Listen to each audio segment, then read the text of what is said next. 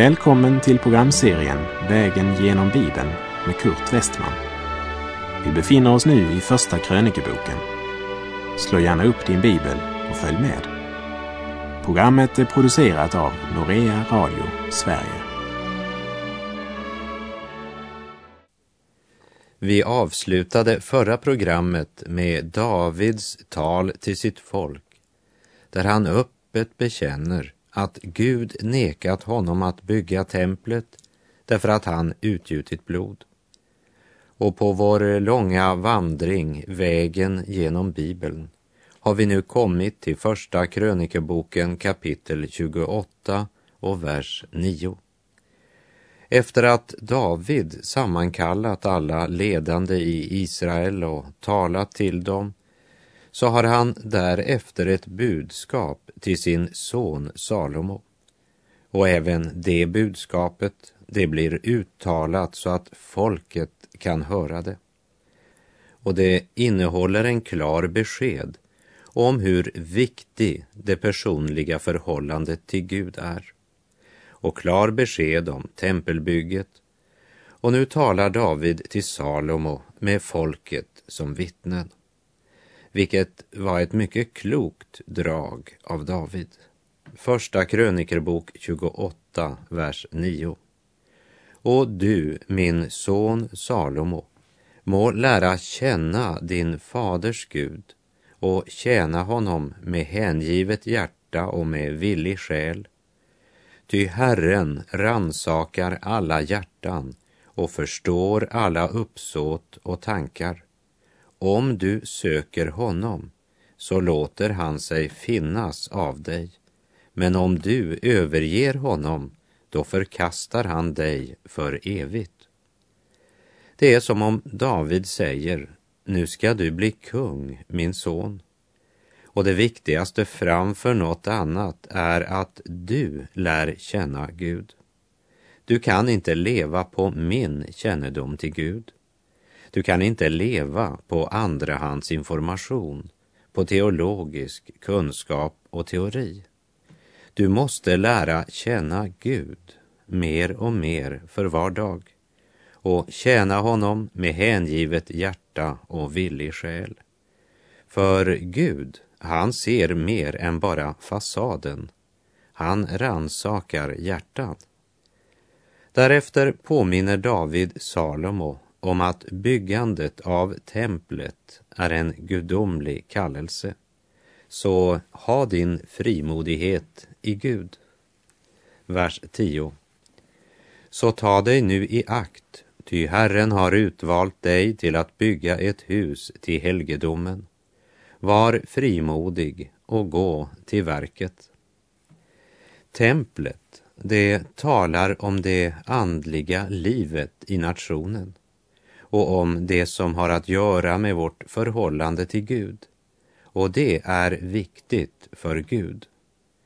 David har ju samlat material och det är som om han försöker säga till Salomo, du har massor av material, du har arbetare och du är kallad. Därför måste du gå igång och bygga. För allt du har blir till ingen nytta om du inte gör något med det du har fått. Därefter ger han Salomo anvisningarna om hur templet ska byggas. Vi läser i Första krönikerboken 28, vers 11 till och med 13. Och David gav åt sin son Salomo en mönsterbild av förhuset och tempelbyggnaderna och av förrådskamrarna, de övriga salarna och de inre rummen och av nådastolens boning. Vidare en mönsterbild av allt som han hade tänkt ut i sitt sinne rörande förgårdarna till Herrens hus och rörande alla kamrarna runt omkring för Guds hus skatter och för det förråd som utgjordes av vad som hade blivit helgat åt Herren. Vidare föreskrifter rörande prästernas och leviternas avdelningar och alla sysslor som skulle förekomma vid tjänstgöringen i Herrens hus och rörande alla kärl som skulle användas vid tjänstgöringen i Herrens hus. Precis som Mose hade fått en noggrann beskrivelse av hur tabernaklet skulle göras, så mottog David beskrivningen av tempelbyggnaden. Ändå kallas det för Salomos tempel. Salomo får genom David en detaljerad beskrivning av hur templet ska byggas och inredas och av vad som skulle vara av silver eller av guld. Vi läser vers 14 och 15. Och rörande guldet med uppgift på den vikt i guld som gällde för varje särskilt kärl för tjänstgöringen och rörande alla kärl av silver med uppgift på den vikt som gällde för varje särskilt kärl vid tjänstgöringen. Och han angav vikten på de gyllene ljusstakarna med tillhörande lampor av guld, med uppgift på vikten av varje särskild ljusstake med dess lampor. Likaså rörande silverljusstakarna med uppgift på vikten på varje ljusstake med dess lampor allt efter beskaffenheten av den tjänsteförrättning vid vilken ljusstaken skulle användas. Här är tanken att det inte ska vara några begränsningar, besparingar eller någon snålhet. Inget knussel här inte. Det byggdes till Guds ära och det skulle samtidigt reflektera det välstånd och den välsignelse som vilade över Davids rike. Och nu ska vi ge akt på det som står i vers 19. Om allt sammans, sade han, har Herren undervisat mig genom en skrift av sin hand om allt som skall utföras enligt mönsterbilden. Utanför hotellet Holyland i Jerusalem finns det en modell av staden Jerusalem så som den såg ut på Herodes tid, vilket alltså också var Jesu tid. Modellen som är tillverkad i skalan 1 till 50 blev gjord efter år av forskning och studier av judiska hantverkare. Medan Davids detaljplan hade bakgrund i en uppenbarelse från Gud som vi ser av vers 19. Gud valde platsen, Ornans tröskplats som vi minns från kapitel 21.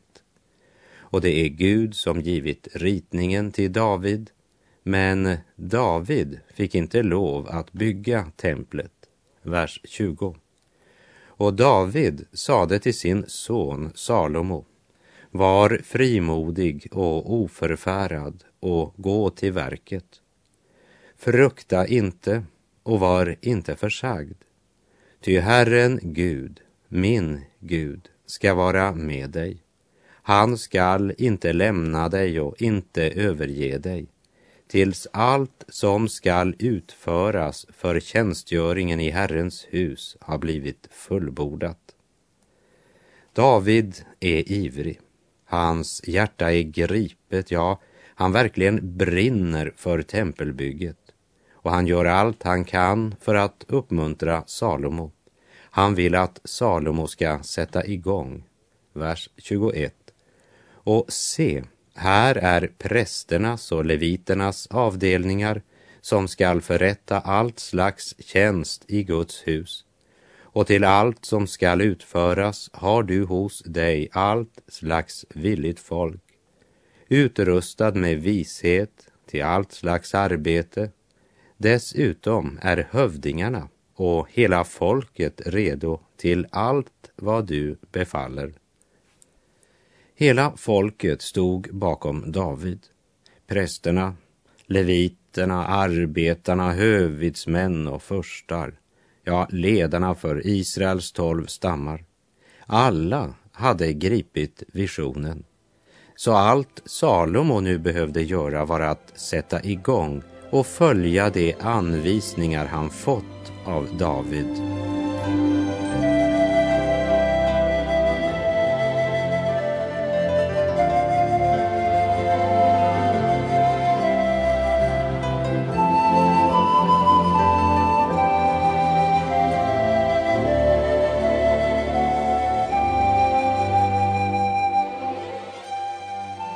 När vi nu kommer till kapitel 29, som är det sista kapitlet i Första krönikeboken, så märker vi att temat skiftar från templet och till kungariket.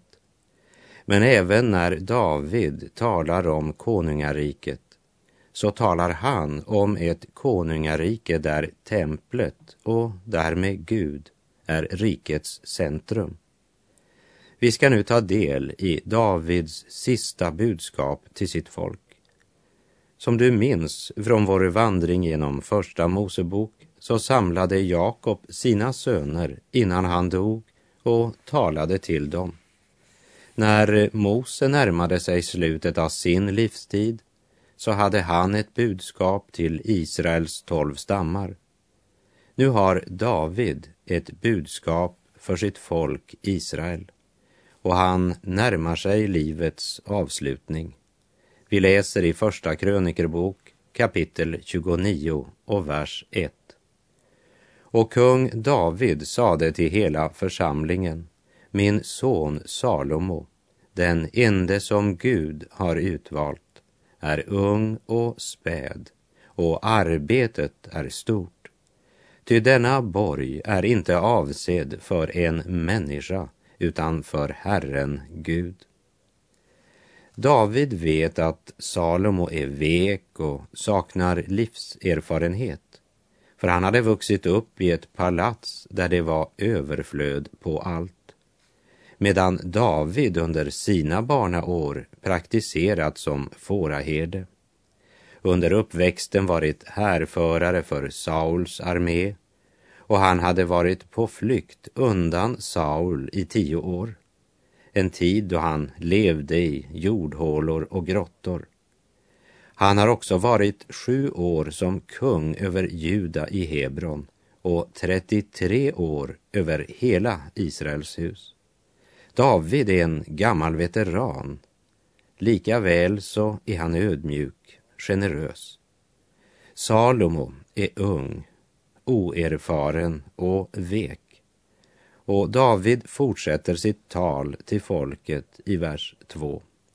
Därför har jag, så långt jag förmått, för min Guds hus anskaffat guld till det som ska vara av guld, silver till det som ska vara av silver, koppar till det som ska vara av koppar, järn till det som ska vara av järn och trä till det som skall vara av trä.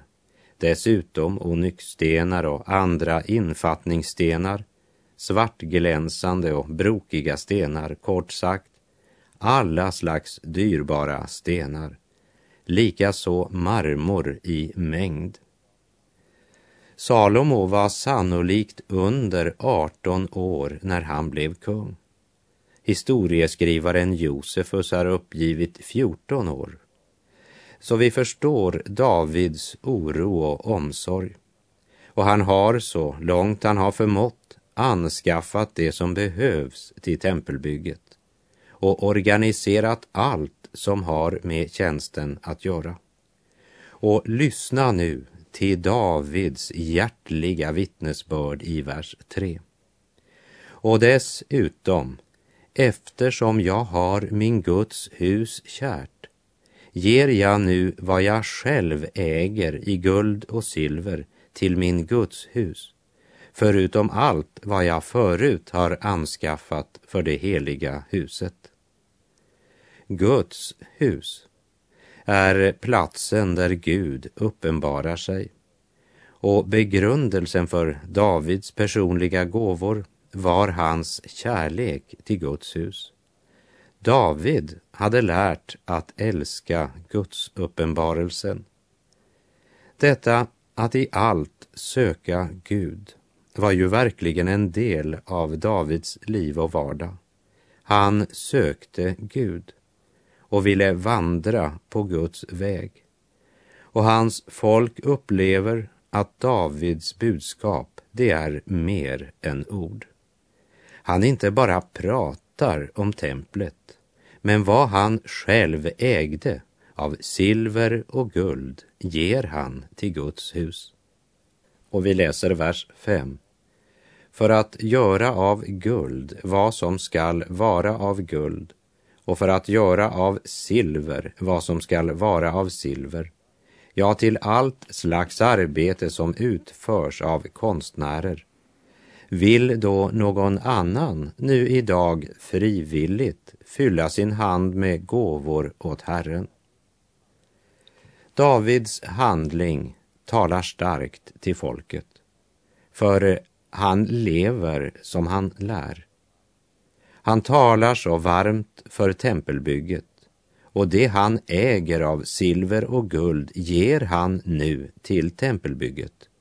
Och så ljuder kungens fråga, vill då också någon annan nu idag frivilligt fylla sin hand med gåvor åt Herren? Och vi läser Första krönikerbok 29, vers 6 till och med 8. Då kom frivilligt familjehövdingarna och Israels stamhövdingar, likaså över och underhövitsmännen och dessutom uppsyningsmännen över kungens arbete. Och det gav till arbetet på Guds hus fem tusen talenter guld, tio tusen dariker, tio tusen talenter silver, arton tusen talenter koppar och 100 000 talenter järn. Och var och en som hade ädla stenar i sin ägo gav dem till skatten i Herrens hus under gersoniten Jehiels vård. Folket ger generöst och de ger med glädje. Vers 9. Då gladde sig folket över deras frivilliga gåvor ty av hängivet hjärta bar det fram sina frivilliga gåvor åt Herren. Kung David gladde sig också mycket. När jag läser det här så kan jag tänka mig att David i sitt inre jublar. Du smörjer mitt huvud med olja och låter min bägare flöda över som han uttrycker det i den 23 salmen.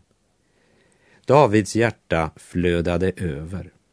Folkets ledare, ja, hela Israels folk, delar hans vision och är villiga att offra.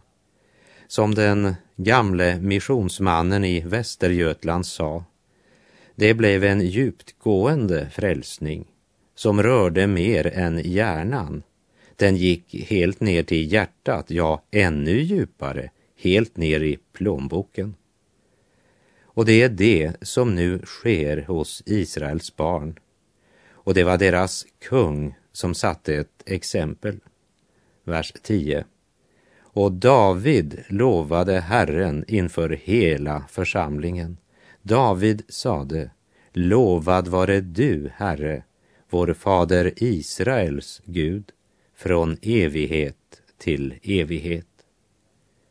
Lägg märke till att David kallar Gud för vår fader Israels Gud. I det gamla förbundet blev inte Gud kallad för far för den enskilde. David kallade honom aldrig far och Gud kallade David för tjänare. Mose lag gjorde ingen till Guds barn. Och offren man bar fram pekade mot honom som skulle komma. Endast tron på Jesus Kristus kan göra oss till Guds barn.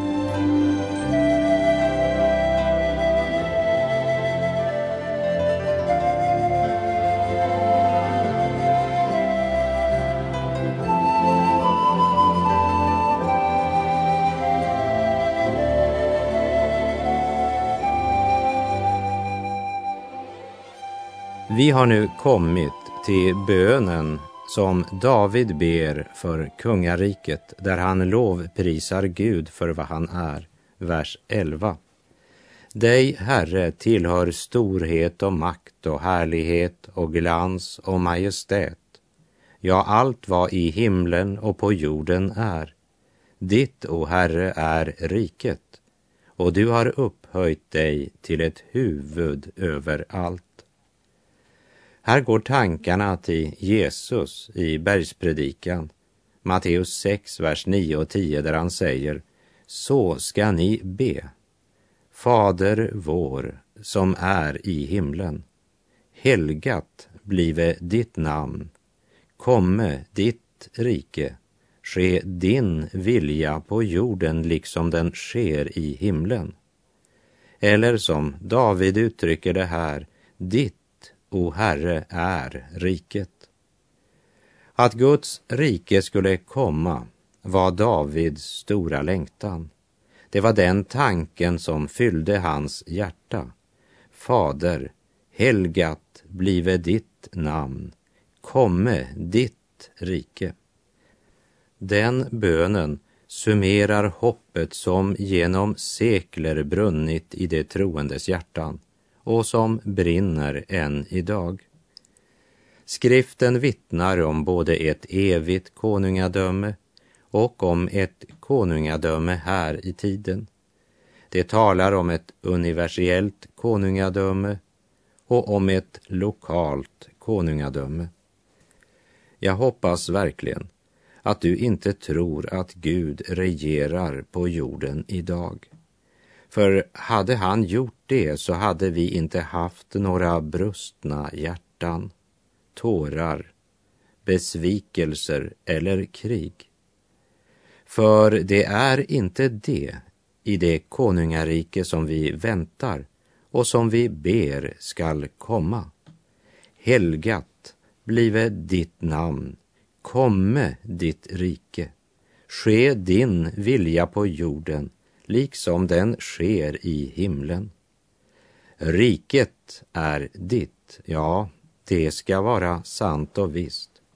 Endast Kristus kan upprätta det riket. Bönen Fader vår är inte något som bara ska vara med i ett gudstjänstritual. Men det borde också vara en del av vårt privata böneliv. Vers 12 till och med 14. Rikedom och ära kommer från dig. Du råder över allt och i din hand är kraft och makt. Det står i din hand att göra vad som helst stort och starkt. Så tackar vi dig nu, vår Gud, och lovar ditt härliga namn. Ty vad är väl jag och vad är mitt folk att vi själva skulle förmå att ge sådana frivilliga gåvor? Nej, från dig kommer allting och ur din hand har vi gett det åt dig. Det är intressant att vi egentligen inte kan ge Gud något eftersom allt redan tillhör honom. Men när du ger tillbaka till honom det som han har betrott dig, då vill han välsigna dig för det. Det är viktigt att vi inser det. Och David står nu vid livets avslutning och han vet att livet är kort, döden oundviklig och evigheten lång. Första krönikebok 29, vers 15. Ty vi är främlingar hos dig och gäster som alla våra fäder. Som en skugga är våra dagar på jorden och ingenting är här att lita på. David har inte satt sitt hopp till något jordiskt, för ingenting är här att lita på. Som Paulus skriver i Andra Korinthierbrevet 4.18. Vi riktar inte blicken mot det synliga, utan mot det osynliga.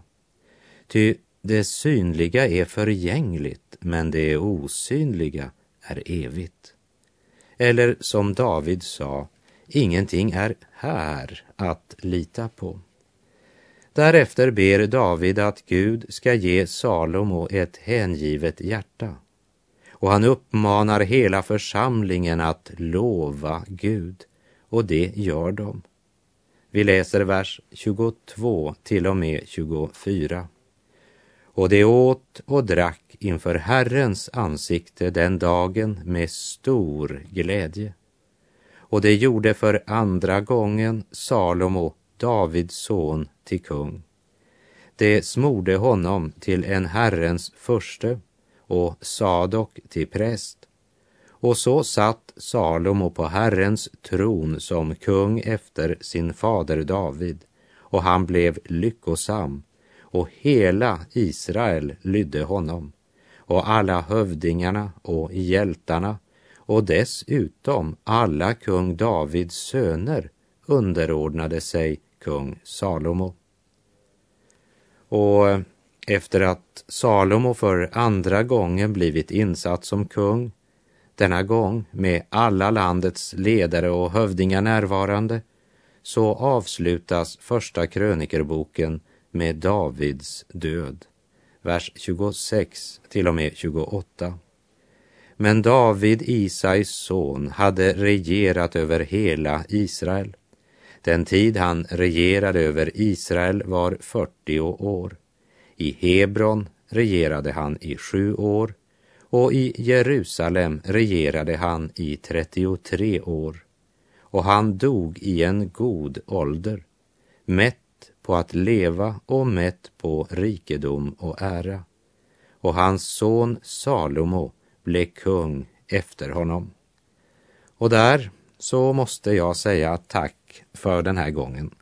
På återhörande om du vill. Herren vare med dig. Må hans välsignelse vila över dig. Gud är god.